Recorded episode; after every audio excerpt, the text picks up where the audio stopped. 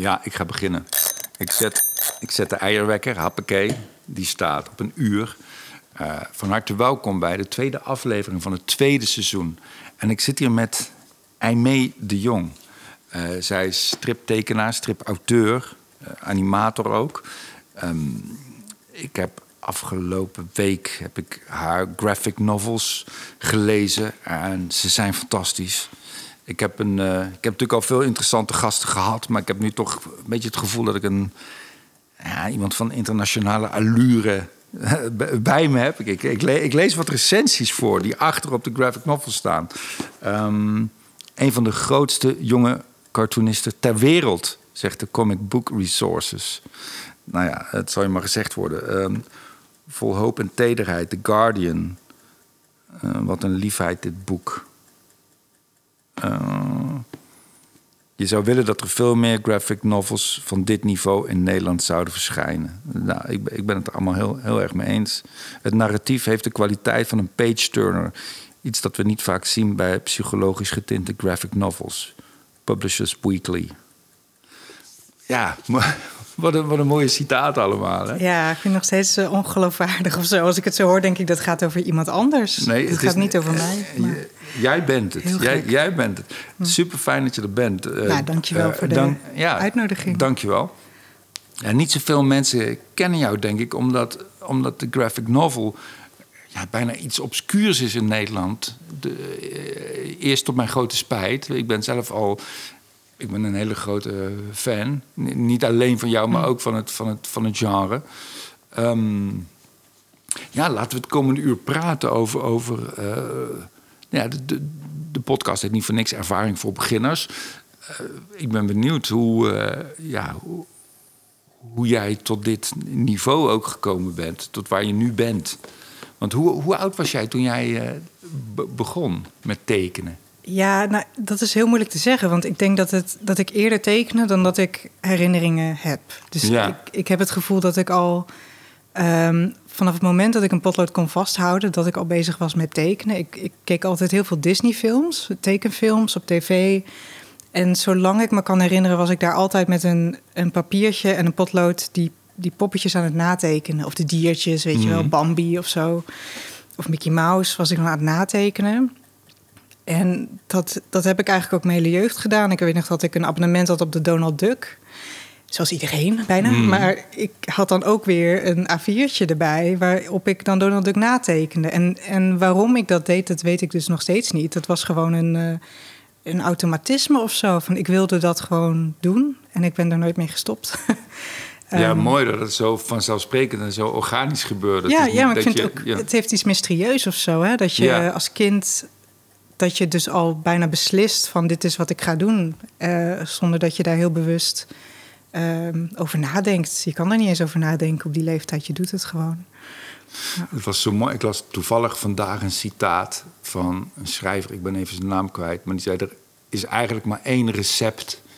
En dat is heel veel houden van koken. en vond ik, ja, ja. Dat, is, dat is heel mooi. En eh, dat heb jij waarschijnlijk ook vanaf het begin ja. uh, gehad. Want kun jij bij jezelf inschatten in hoeverre. Wat, wat de verdeling is eigenlijk in. Hè, wat je nu doet, wat de verdeling is tussen uh, uh, talent en, en, en training eigenlijk? Ja, dat is een goede vraag. Het is volgens mij.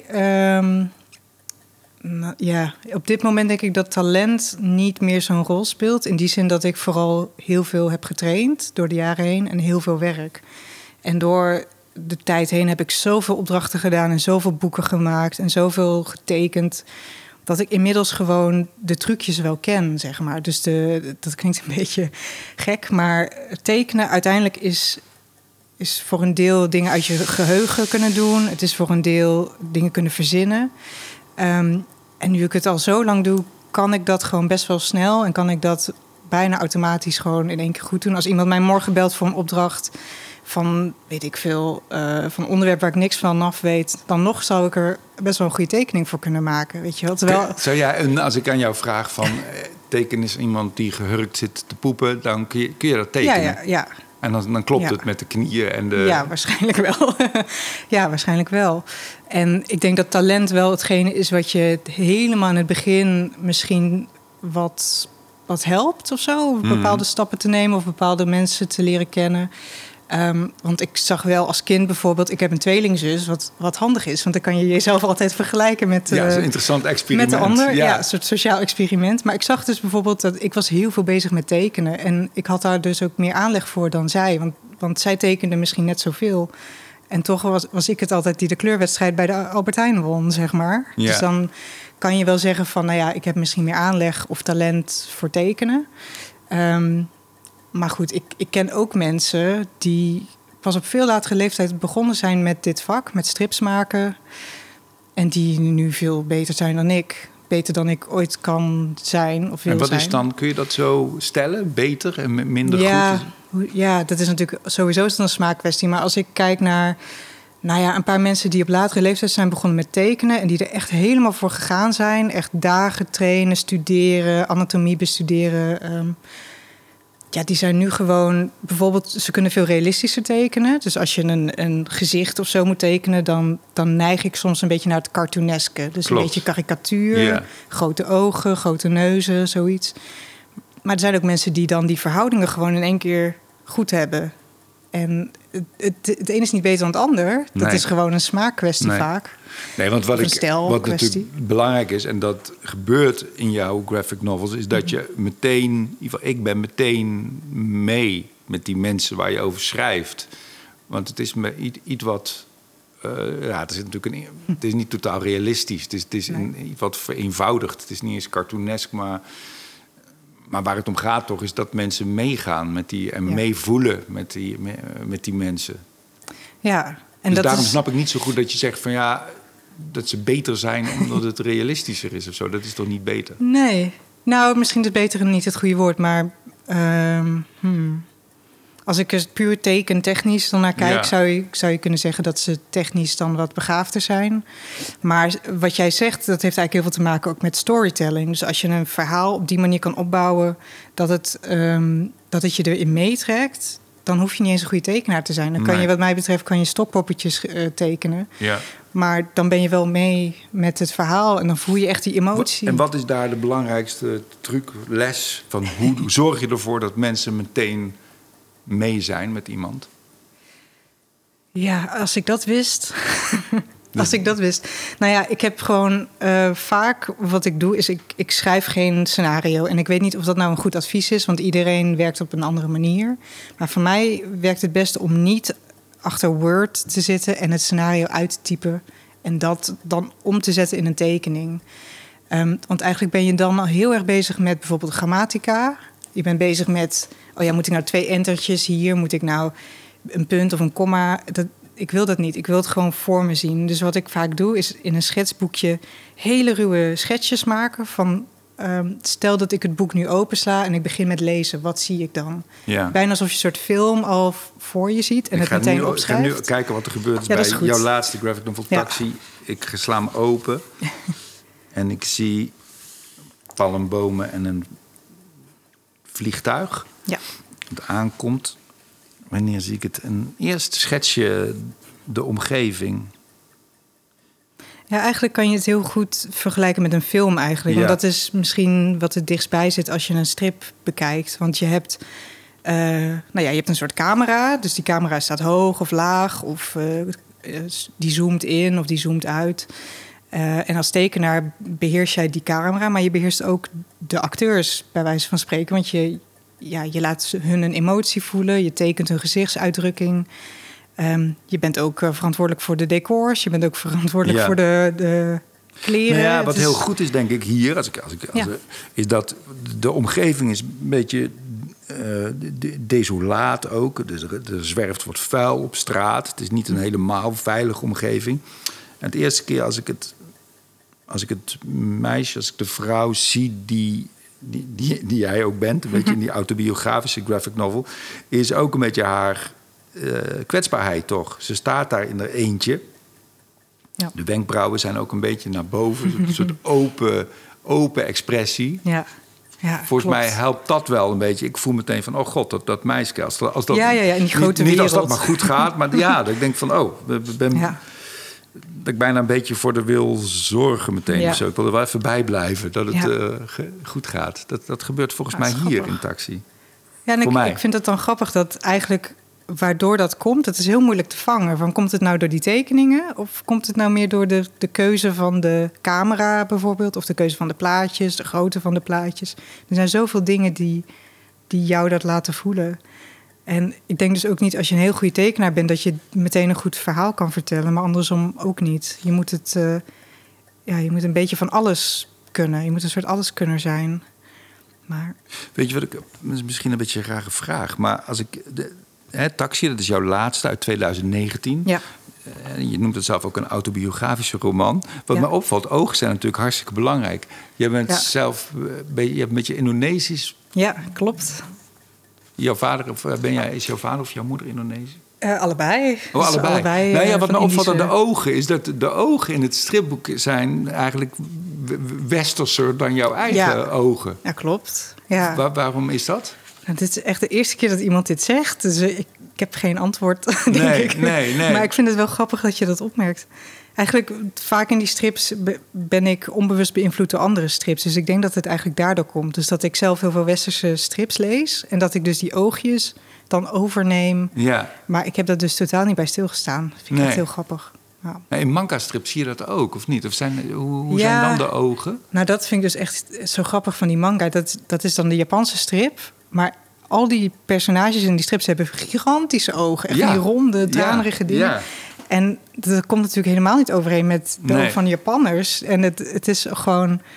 Ja, dat zegt al dat je dus niet per se eh, realistisch hoeft te tekenen om iets over te brengen. En het, ik vind ook mooi dat het verhaal daarachter is dat eh, een van de allereerste manga-tekenaars was heel geïnspireerd door Walt Disney. Dus die tekende Bambi en zo. En die hadden natuurlijk van die grote Ja. ogen. Mickey Mouse, Donald Duck. En toen zijn die grote ogen zijn weer overgenomen door andere tekenaars. En dat is gewoon een deel van de stroming geworden. Dus dat Ja, is heel ogen. grappig. En ook hier, Ja. hier zie je ook al bij deze plaatjes, ook wenkbrauwen zijn ook Ja. super expressief. Hè? Die vertellen ook zoveel. Wat ik ook zo mooi vind, ja, dat is helemaal geen vraag, maar gewoon een opmerking, is, is ook hoe jij je personages ook dingen laat incasseren. Hm. Dus als er iets.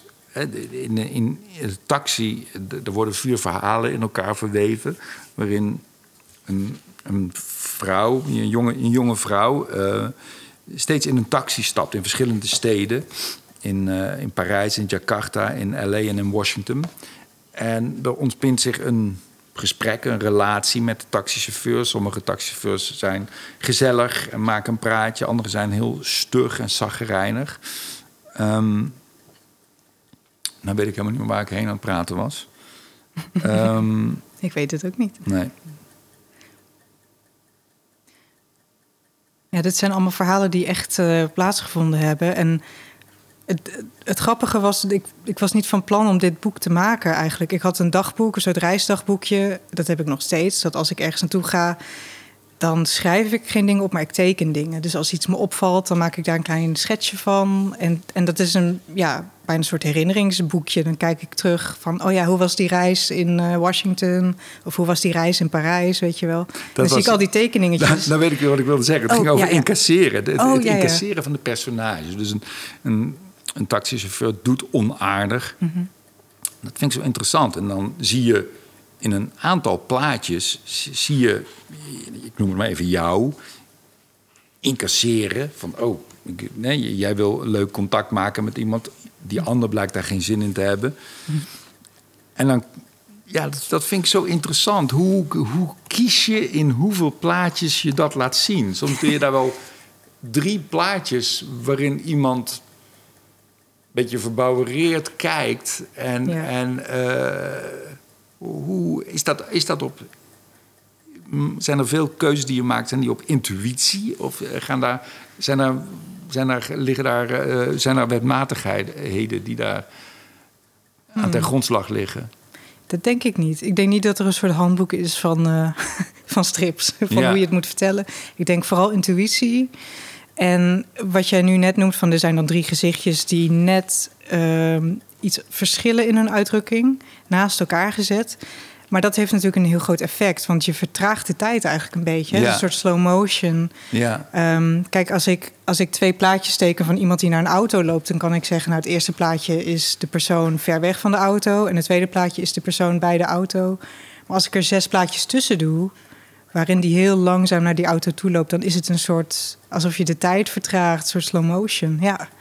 En, en op dat soort momenten, dat doe ik dus heel bewust, wil ik dus die tijd vertragen en een soort van de, de focus leggen op dat gezichtje en wat er in, in dat hoofdje omgaat. Ja, en dat is ook zo mooi, vind ik. En dat is ook leerzaam, ook voor mij. Vind- Het is vaak zo suggestief ook. Je suggereert heel veel.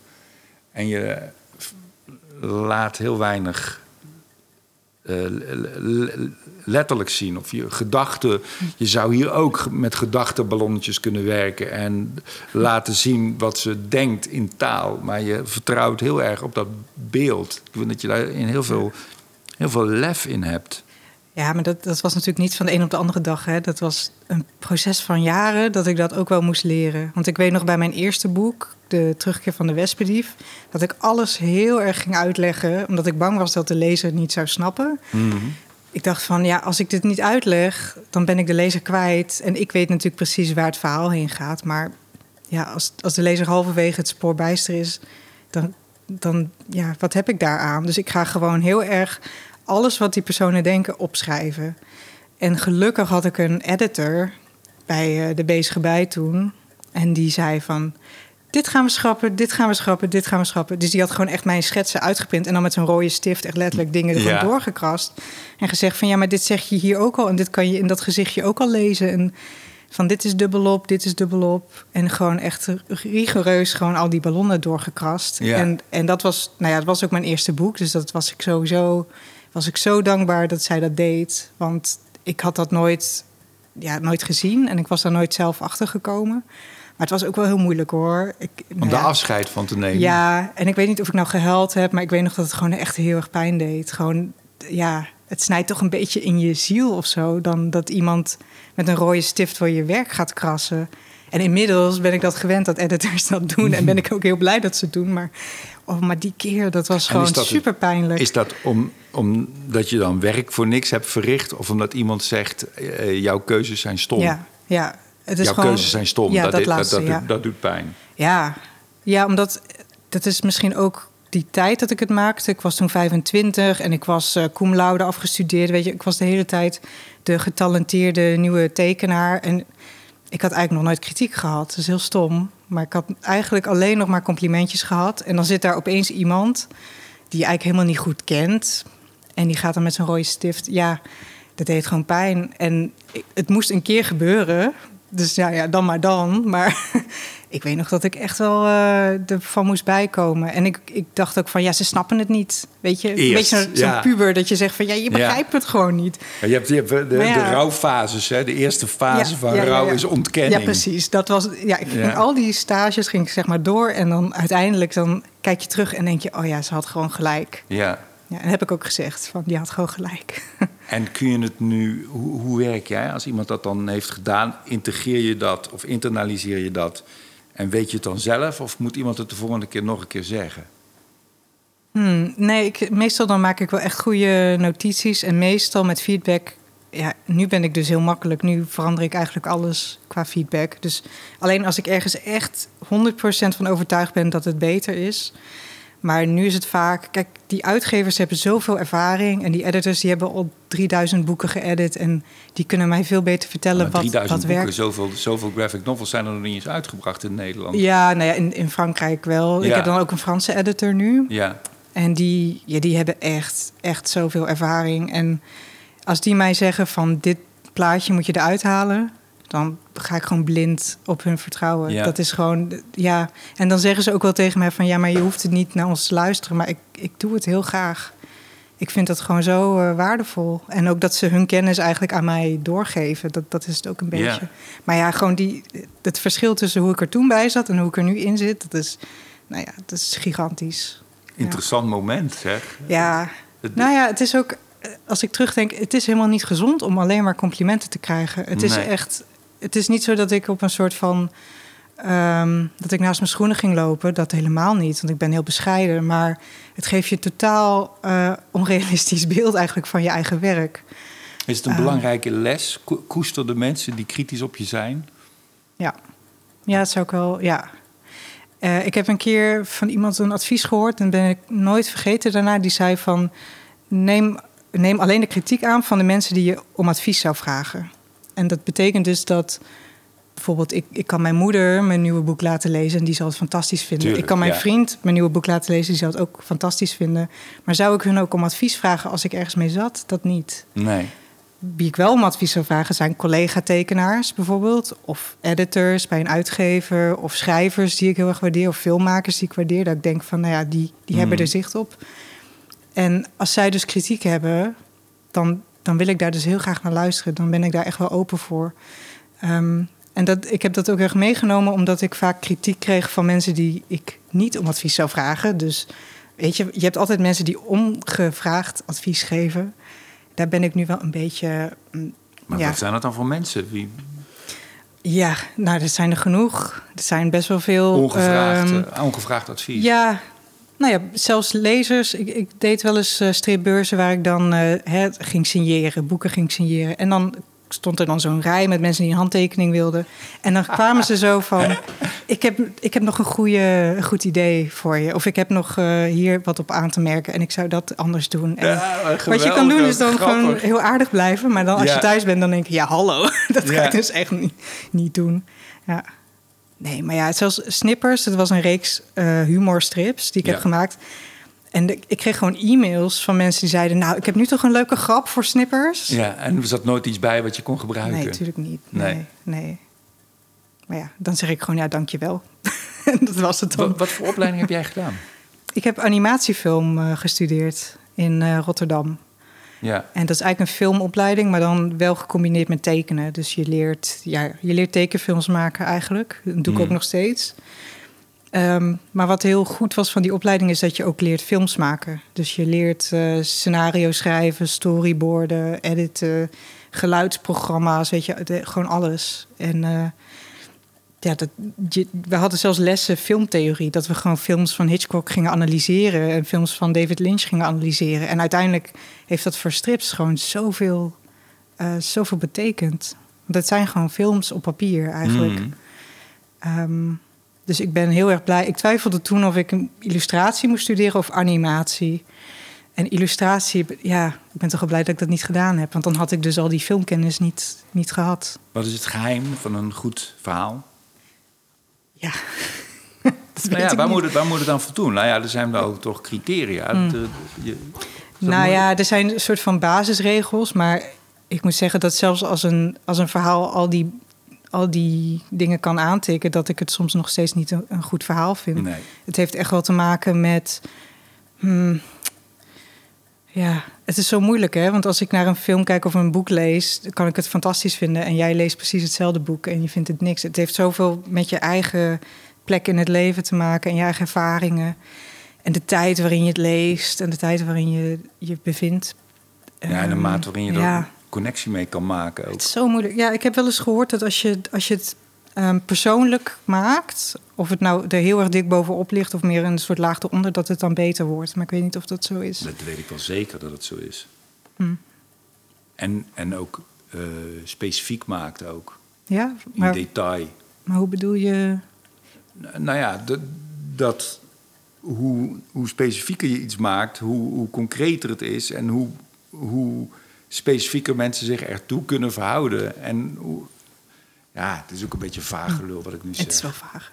Maar ik snap denk ik wel wat je bedoelt. Maar ik vind het wel wonderlijk als jij 25 bent en je schrijft de terugkeer van de wespendief, wat er ook wel gaat over een man in een mid, midlife crisis. Ja, ja.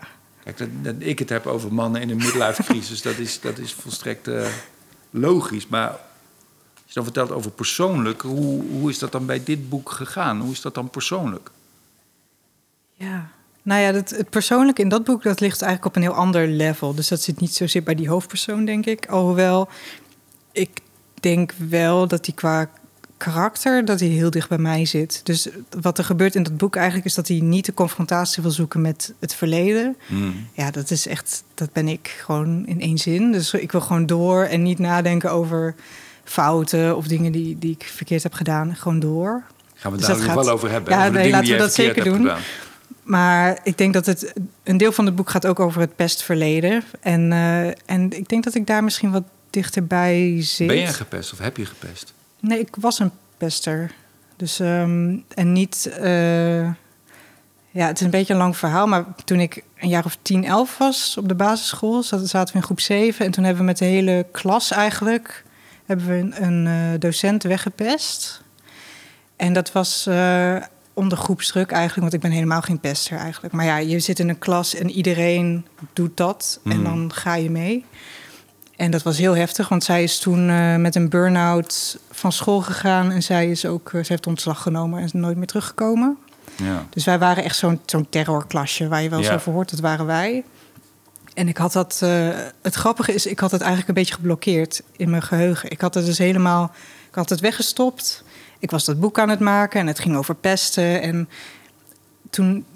eh, op een gegeven moment kwam het uit en dan krijg je dus persinterviews, hè, journalisten van tv, radio. En die hadden allemaal dezelfde vraag van... ben je wel eens gepest? Want het gaat zo over pesten. Hmm. En ik zei dan van, ja, nee, het gaat niet over mij en ik ben nooit gepest en bla bla bla. En ik werd een beetje moe van die vraag, weet je wel. Zo van, beginnen ze weer over... En pas veel later, toen ik een keer langs die school reed, per ongeluk... in dat oude dorpje waar ik woonde toen... toen kwam dat dus weer boven. En toen dacht ik van, holy shit, het gaat wel over mij. Ja. ik had het gewoon helemaal geblokkeerd dat ik dat ooit dat ik dat gedaan had. En ik dacht van dit boek, want het gaat heel erg over schuldgevoel, het gaat over pesten. Van hoe als je als buitenstaander ziet dat iemand gepest wordt, doe je dan iets of Mm. blijf je dan hè, trek je je terug? En dat is gewoon echt letterlijk wat ik deed eigenlijk. Dus eh, ze zeggen ook wel eens dat als je een boek schrijft, dat het altijd over jezelf gaat, maar dat je het soms nog niet weet. ja. En dat heb ik met dit boek wel eh, aan de lijf ondervonden. Dat dit gewoon. Ik zal niet zeggen dat het therapie was, want dat wist ik toen niet. Maar het heeft, het heeft mij iets over mezelf geleerd. En wat heeft het geleerd? Nou ja, hoe ik daarmee omging, Ja. eigenlijk. Ja, en dat je dat Ja. Echt onder ogen hebt gezien. Ja, ja. Wat, iets wat misschien ook een beetje schaamtevol is. Ja. En ik vond het ook bizar dat die journalisten dat dus eerder wisten dan ik. Ja. dat die in feite al daar, daar doorheen prikten. Zo van, ja, maar dit gaat, dit gaat zo over dat onderwerp. Dat kan niet anders dan dat je daar iets mee... En helpt het je om autobiografische verhalen te maken? Of sowieso, misschien zijn alle verhalen dan wel autobiografisch als je het zo schetst. Eh, is het heilzaam voor je? Ik denk het wel. Ik, ik heb wel eens met collega's. eh, heb ik het over het werken, striptekenaar. En dan zeggen we wel eens van. Goh, hoe zou dat toch zijn voor al die mensen die niet zo'n uitlaatklep hebben? Mm. die niet een creatief vak hebben zoals jij en ik, of muzikanten of schrijvers. Of van hoe doen die mensen dat dan met hun emoties en met hun worstelingen? Want wij kunnen dat gewoon plompen in dat werk. Hmm. Of het nou bewust is of onbewust. Maar dat, dat is gewoon waar we onze emoties stoppen. We, in feite hoeven we niet in therapie, want de therapie is ons werk bijna. dus, eh, maar ik, ik vraag me wel eens af hoe andere mensen dat doen. Met de normale baan, tussen haakjes. Ja. Ja. ja, misschien kan het ook consumptief. Misschien helpt het ook door bijvoorbeeld zo'n boek te lezen als De Terugkeer van de Wespendief. Of Mhm. door te kijken naar een film. Of, eh, dat dat ook helpt. Ja. Misschien. Ja. Om te ontladen. ja, op die manier. Ja, dat als En lezer... om te schreeuwen op een tribune ja, van een voetbalclub. En eh kwaaie twitters te, te schrijven. Ja, nee, ja. ja, ik denk het wel. Nu is iedereen ook wel een, eh, een maker. Alleen soms van lelijke tweets. Ja, Ik weet niet of dat helpt. Hmm. Ja, Ja, klopt wel, denk ik. Maar het Ja. is misschien wel helpender als je er. Nou ja, als je, als je een, een groot verhaal wil vertellen, zoals, zoals in een roman of in een, eh, graphic novel of in een avondvullend programma, dan word je natuurlijk wel gedwongen om iets langer te kijken naar jezelf. Mhm. Omdat het anders niet Ja. zoveel voorstelt. Omdat het Ja. anders. ehm, Je bent met zo'n boek ben je wel een paar uur bezig om het te lezen. Dat ik vind het zo echt, leuk eh, van jouw vak dat het aan de ene kant eh, technisch is, tekenen. En aan de andere kant is het ook storytelling, verhalen vertellen, scenario maken, monteren. Ja, ja, ja. Vind je dat zelf ook prettig, die ba- balans? Of zou je net zo lief willen dat iemand anders die verhalen voor jou uit zou tekenen? Hmm. Ik, ja, soms, soms wel. Soms dan denk ik van het, het leukste gedeelte is eigenlijk... Dat, volgens mij heeft Martin Lodewijk dat een keer gezegd. Ook een striptekenaar. Ja, van, eh, agent 327. Ja. ook een Rotterdammer. En die, die heeft ooit gezegd van nou, het leukste van een stripboek maken, dat is het begin, voordat je begint eigenlijk met tekenen. Dus het bedenken van al die Mm. eh, verhalen en, en het einde, dus als het af is. Ja. En alles daartussen is dus eigenlijk gewoon eh, hel. ja? En dat, Ervaar jij dat ook zo? ik heb dat wel eens. Ik vind het heel moeilijk om daarover te klagen, want ik heb het beste ter nee, wereld. ja, maar... nu, daar, daar, daar zitten we hier voor. Oh, om te klagen? Ook, zeker, ja. Dan ga ik even klagen. Want is het fysiek zwaar om te tekenen? Nee, nee, het is Want je moet ook heel lang zitten en, en dat lijkt mij Ja, maar dat gaat eigenlijk altijd wel goed even afkloppen. Ik denk vooral mentaal is het zwaar omdat je... ehm, je bent de hele dag eh, bezig met, ehm, ja, met tekenen. Sowieso van dezelfde poppetjes, dezelfde gezichtjes. Hè? Kijk naar een strip als Kuifje of een strip als Asterix. Dat, dat zijn gewoon dezelfde poppetjes in het eerste album als in het laatste album. Ja. En ze worden nooit ouder, ze worden nooit... eh, en ze veranderen nooit. En in mijn boek is dat gelukkig wel anders, want er is wel een soort van ontwikkeling. Maar het is wel, je moet consistent blijven. En, en in een film is dat makkelijk, want je hebt gewoon één acteur. Ja. En de acteur is aan het begin hetzelfde als de acteur aan het eind. Maar in een boek moet je zorgen dat die, die tekening hetzelfde een- eruit ziet En dat is als een op saaie focus. Ja, het is super saai, want, want als ik het neusje maar ietsje te groot maak, Ja. dan is hij al niet meer herkenbaar. Zeggen ze op die stripbeurs in de rij. Ja. Eén dingetje, dat Ja. neusje is niet consequent. Ja, precies. Daar moet je wel op letten. Ja, en dat kan dus wel eens een beetje saai zijn. Dus dat je echt consequent met diezelfde poppetjes, dezelfde setting, hetzelfde, dezelfde woonkamer de hele tijd moet tekenen. Maar ja, ja het, is, het heeft ook wel wat of zo. Omdat je Hoeveel, op een gegeven hoeveel moment. uur kan jij werken op een dag? Hoe lang, hoeveel kun je, hoe lang kun je tekenen?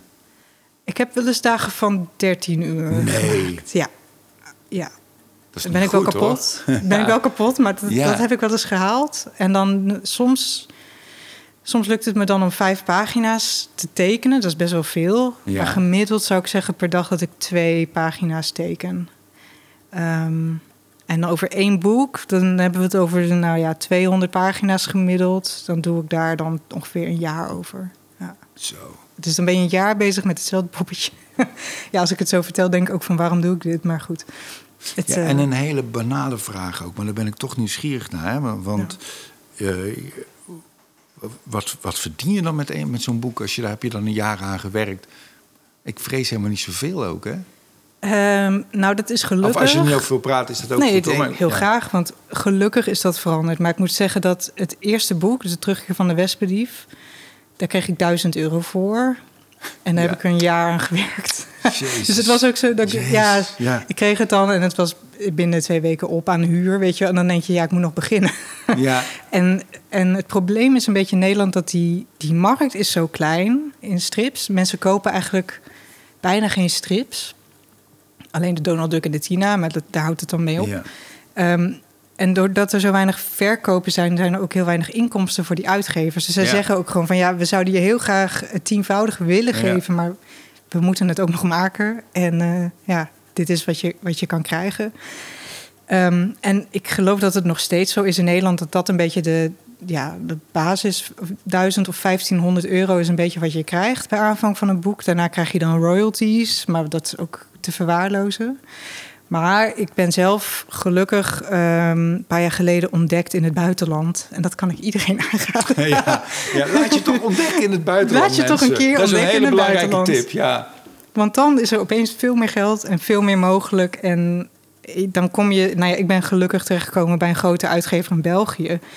En die hebben gewoon, eh, bijvoorbeeld Blake Mortimer is een hele bekende serie. Ja. Dat is gewoon van hun.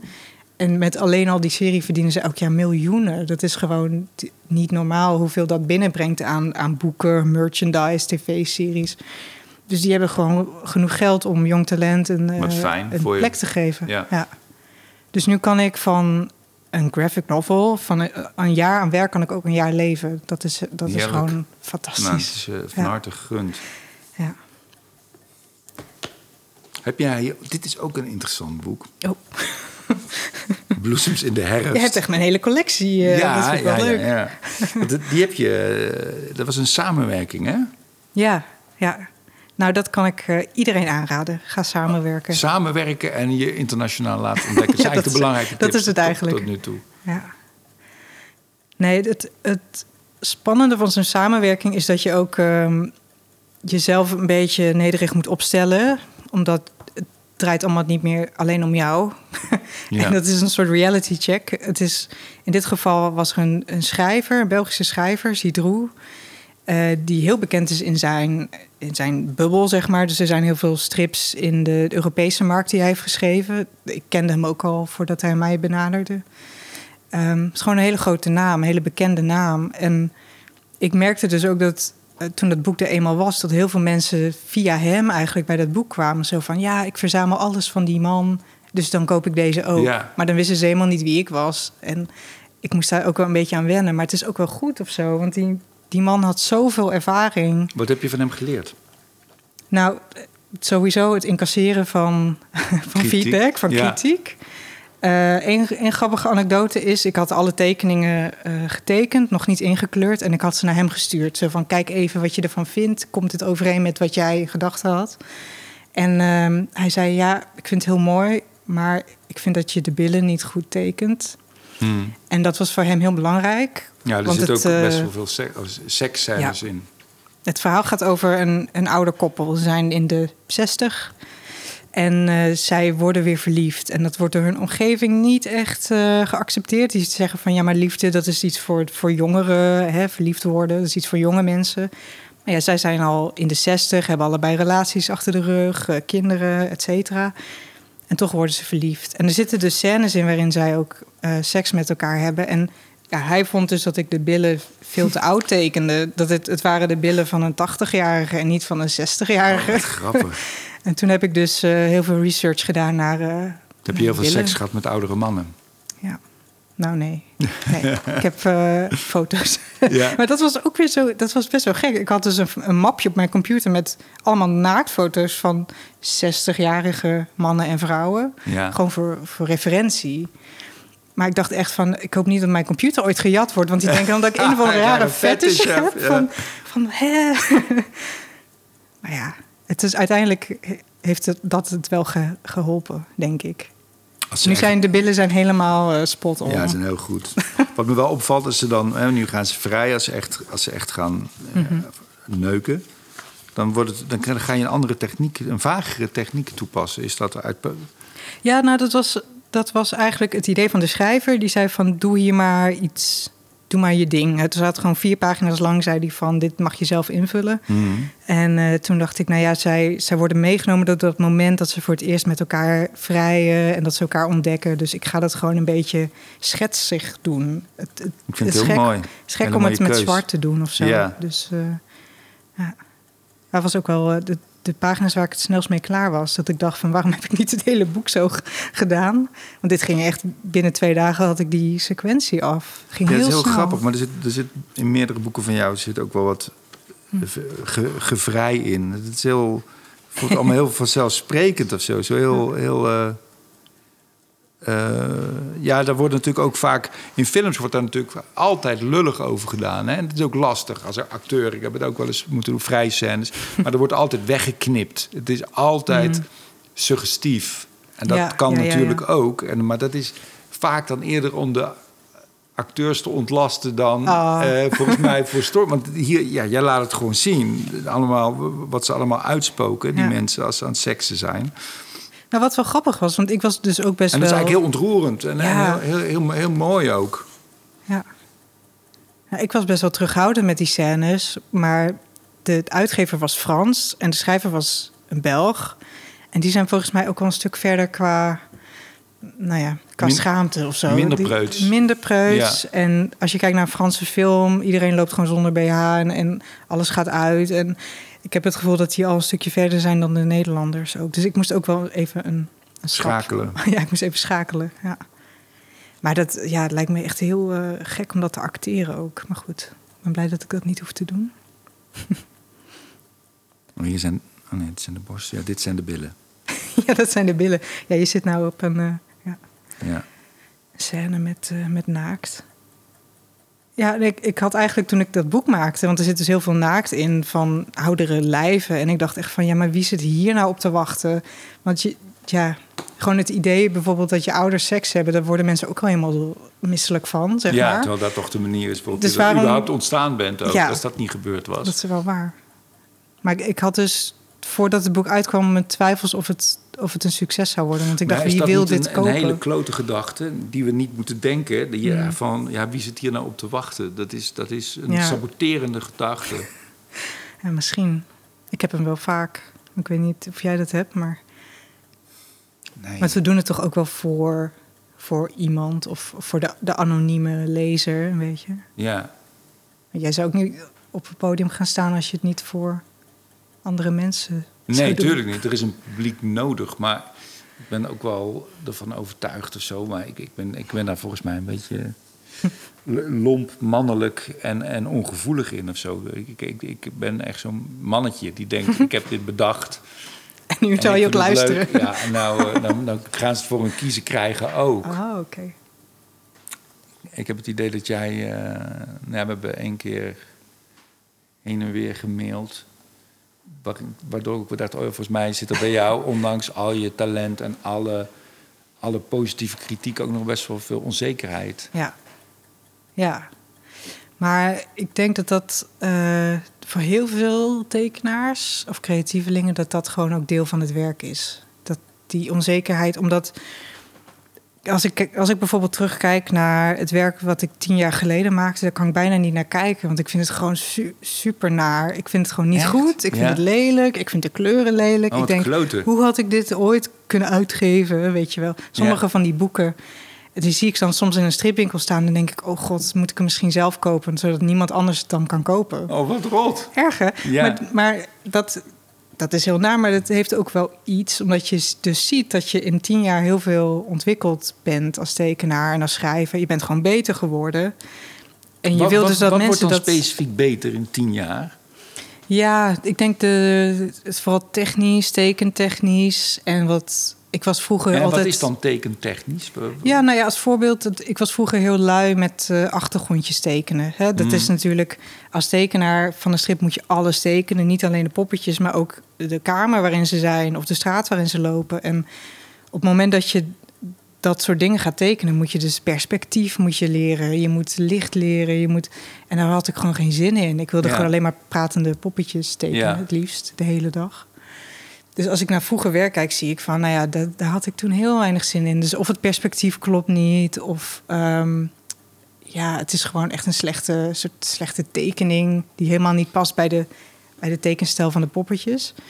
En oh, daar kan ik dan echt niet naar kijken. Dat vind ik dan zo naar. Ja, dus misschien dat die onzekerheid, die komt daaruit voort, denk ik. Omdat je gewoon, je ziet zelf dat je dus beter wordt. En dat je dus in die tijd vond je het allemaal heel goed. Maar dat uiteindelijk Verwacht je dat je, over tien jaar ook weer beter zal zijn dan nu? Ja, ik denk het wel. Ja. En heb je enig idee wat dat zal zijn? Waarom je beter zal zijn over tien jaar? Mm, nee, nee. Maar ik weet wel zeker dat dat komt. Ik weet zeker dat over tien jaar dat ik naar mijn huidige werk kijk en dan denk van, oh, had ik dat nou moeten uitgeven? Nou ja, ik vind dat je dan wel echt heel streng bent. je, je, je, dit, deze boeken zijn toch, dat is het beste wat je op dat moment kon maken, toch? Ja, dat, dat klopt. Ja, maar ja, het klinkt nou ook weer alsof ik het helemaal niks vind hoor. Want ik vind het allemaal hele goede boeken uiteindelijk. Maar zeg maar als tekenaar kan ik daar soms wel moeilijk naar kijken. En ik heb ook wel eens andere tekenaars gesproken die precies hetzelfde hadden. Die dan zeiden van ja, ik heb dit boek nou uitgebracht. En het ligt nu in alle winkels, maar ik heb het nog geen één keer zelf gelezen. Dus dat, dat ja, is gewoon een, een terugkerend ding. Dat, die confrontatie met je eigen werk is super eng. Vooral als je nog heel erg evalueert. Het ook raar als, als comedian sta je op het podium en kijk er door je eigen ogen. En je ziet de zaal en je ziet niet jezelf. Maar jij kan toch wel... Vind, ik vind het ook niet prettig hoor om naar mezelf te kijken. Of naar, hè, als je opname maakt. En misschien dat het daar dan meer op lijkt. En als jij een show terugkijkt van tien jaar terug, vind je dat dan goed? Of denk je dan van. Nee, nou ja... op een gegeven moment heb ik wel het idee dat toen ik uh, bij mijn nou, ik denk vierde show, functioneel naakt was dat. Dat ik wel als performer en als maker volwassen was geworden, zeg maar. En dat ik, ja, daar kan ik, daar kan ik wel goed naar kijken.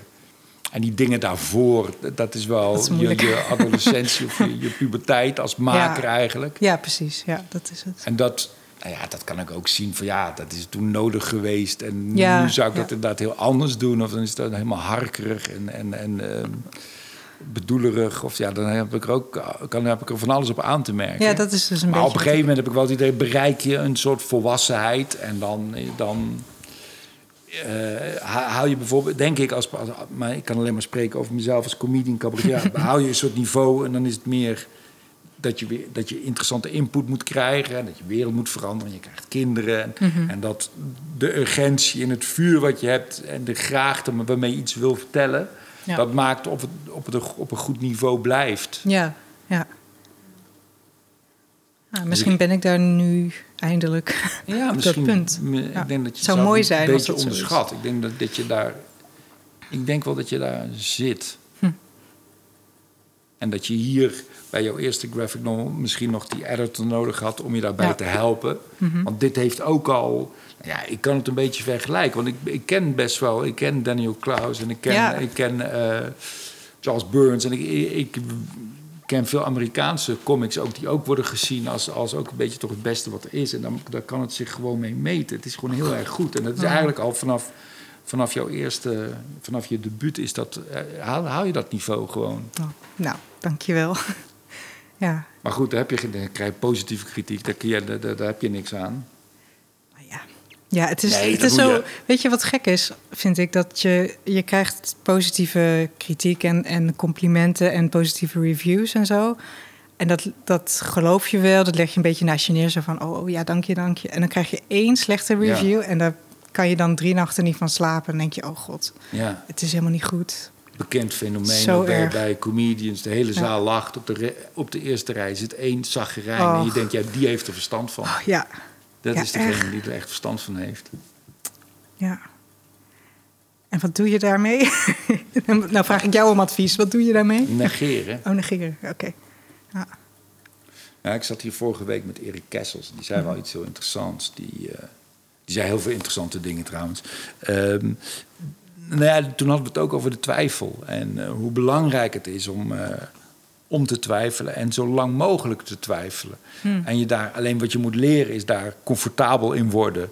Dat moet geen hel worden. Die, eh, ja. en, eh, maar dat er, op, dat er ook een moment is, als je het gaat maken... en dat je hem ook moet, moet droppen, eigenlijk zoals een Hmm. Ja, raket zijn motor gooien, dropt... en loslaat en dan vol overtuiging doen wat je moet doen. En daar helemaal achter staan, dat vol overtuiging doen. Want een lijn, kan ik me voorstellen, ja, die kun je niet twijfelend zetten, toch? Als je aan het tekenen bent, die moet je, die moet je ja.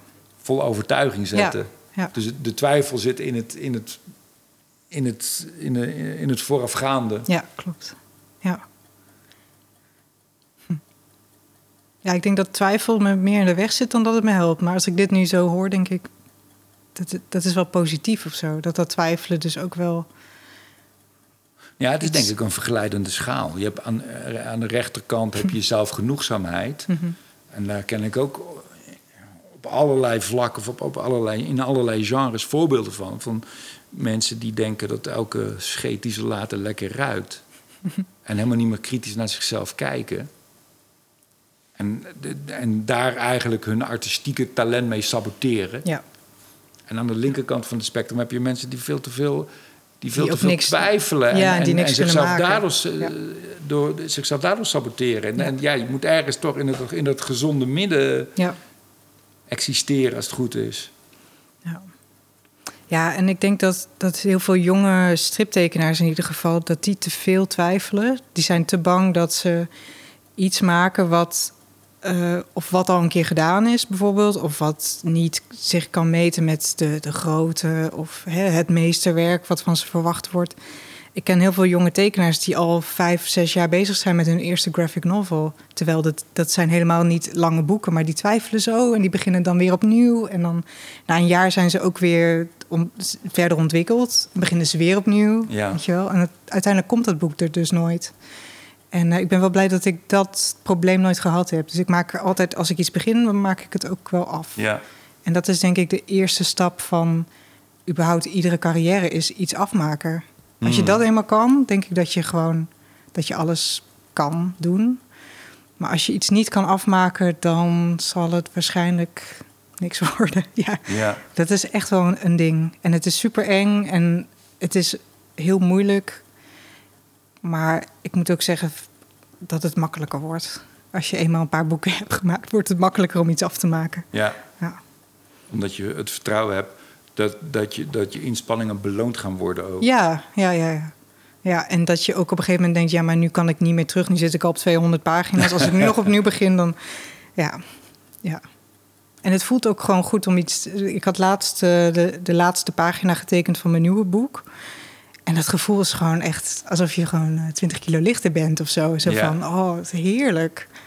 En dan door met de volgende. Maar, Ja. maar goed, maar dat voelt zo, zo goed. Ik kan het, eh, nou, ik kan het aanraden. Dus dat is een belangrijke les. Ja, ik denk dat heel Maak veel. het af. Ja, ik denk dat heel veel mensen daar veel aan zullen hebben. Dat ja, je kan eeuwig met zo'n project doorgaan. Want ik, ik leg wel eens uit als je, als je een strip tekent en je bent zelf de tekenaar en je bent zelf ook de schrijver. En de uitgever heeft je al betaald, dan ben je in feite ben je je eigen baas. Dus jij beslist hoe snel je werkt, hoeveel je werkt op een dag en wanneer het af is. En dat is eigenlijk een hele moeilijke positie. Ehm, want stel, stel dat ik bijvoorbeeld die stoel die daar staat, dat ik die moet schilderen, rood moet schilderen. En dan schilder ik die helemaal rood. En als ik klaar ben, het is heel duidelijk wanneer die stoel rood is Ja. geverfd. Het is heel duidelijk van, oké, nu is die af. Maar een strippagina, dan kan je net zo ver, kan je dat, je kan net zo lang doorgaan als je wil. Ik kan Mm. zoveel streepjes zetten als ik zelf wil. Ik kan er 10 doen, of 20 of 30.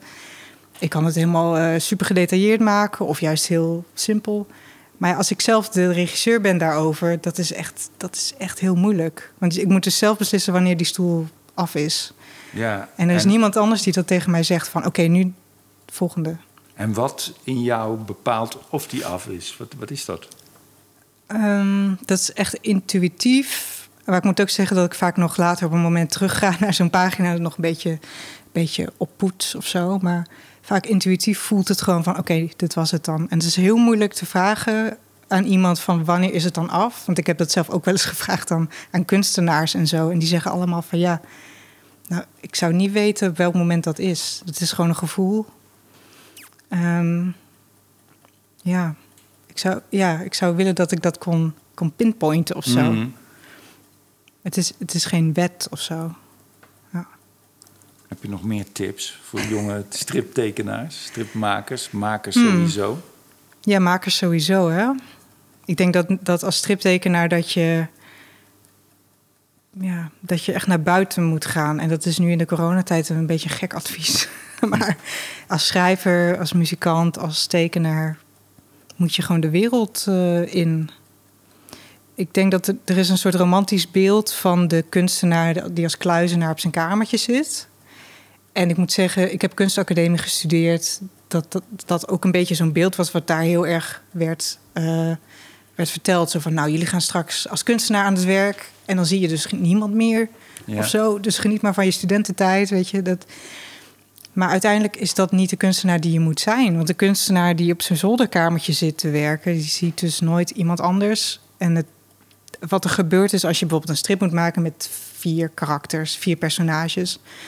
Wat er dan gebeurt, is dat ze allemaal zoals jou gaan klinken. Hmm. En er allemaal op jou gaan lijken. Dus hun gezichten zijn allemaal zoals jou. Alleen heeft de een misschien een kuif en de ander heeft een snor.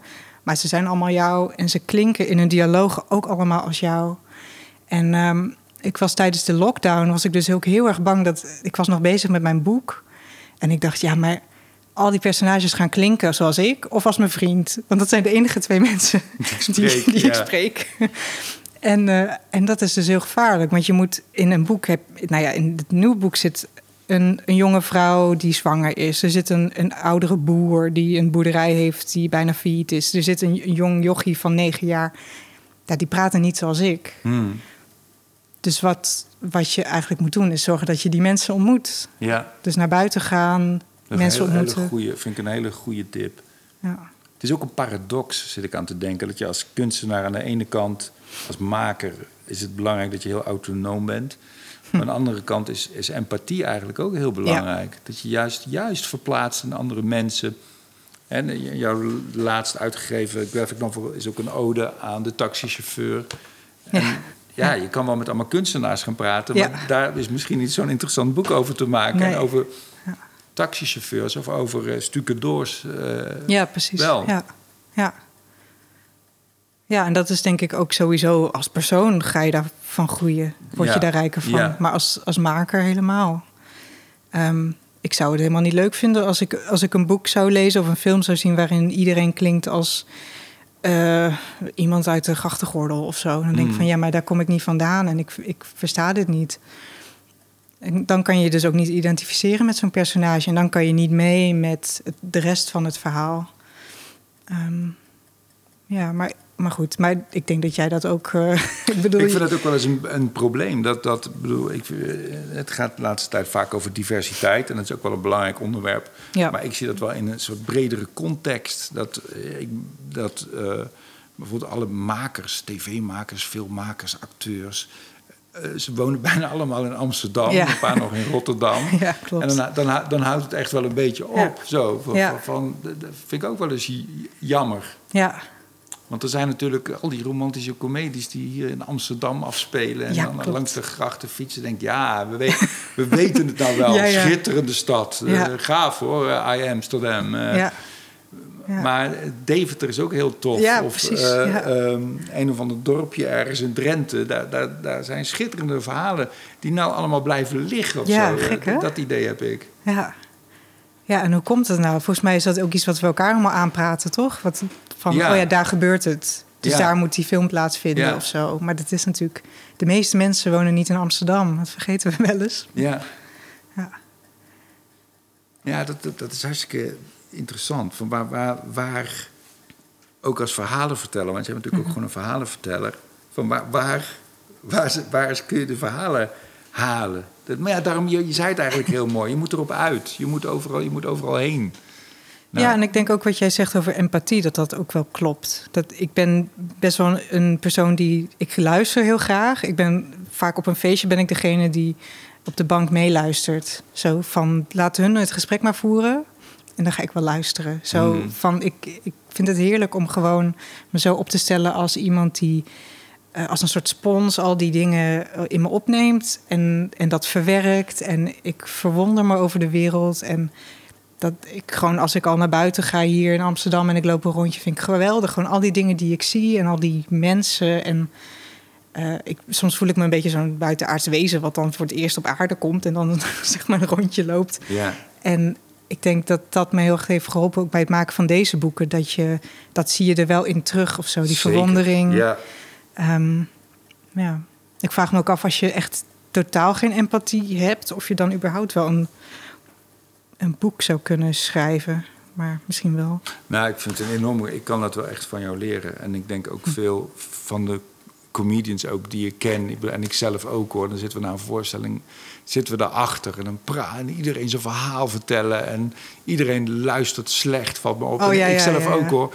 En eh, allemaal verhalen en bla bla bla. en dan zitten we daar ook wel eens. En dan zitten ook eh, jongens van de bar of van de... zitten er dan ook bij. Ja, En die, die worden dan ook helemaal zo bijna aan de kant Oh. geschoven... omdat iedereen zo graag zichzelf hoort praten. ja, ja. ja. ja. En voor, ja, dat kunnen we allemaal wel leren, hoor. Van... van ja, en dat, dat vertaalt zich helemaal in die boeken ook. Dat is ook zo mooi in Bloesems in de herfst. Die, nou ja, die heb ik dat niet- dan zelf niet geschreven... maar ik zie dat ook in beeld of zo van hoe... Ja, het is zo... gev- Ja, maar dat hebben al je boeken. Het is zo... Nou, Ik mag niks meer zeggen. oké. Nou, dankjewel. Het is, zo- nee, het is zo gevoelig en zo, zo, zo puur. Ik ben echt, eh, nou ja, eh, heel erg bedankt. En als er mensen die luisteren, ga, ga naar de boekhandel en eh, koop de graphic novels van Aimee de Jong. Het is echt super, super mooi. En fijn dat ik je me- met je heb kunnen praten en misschien ook een beetje heb kunnen introduceren aan, eh, aan de luisteraars. Dankjewel, Theo. Box, eh, Box Box. Ouwe. Dankjewel.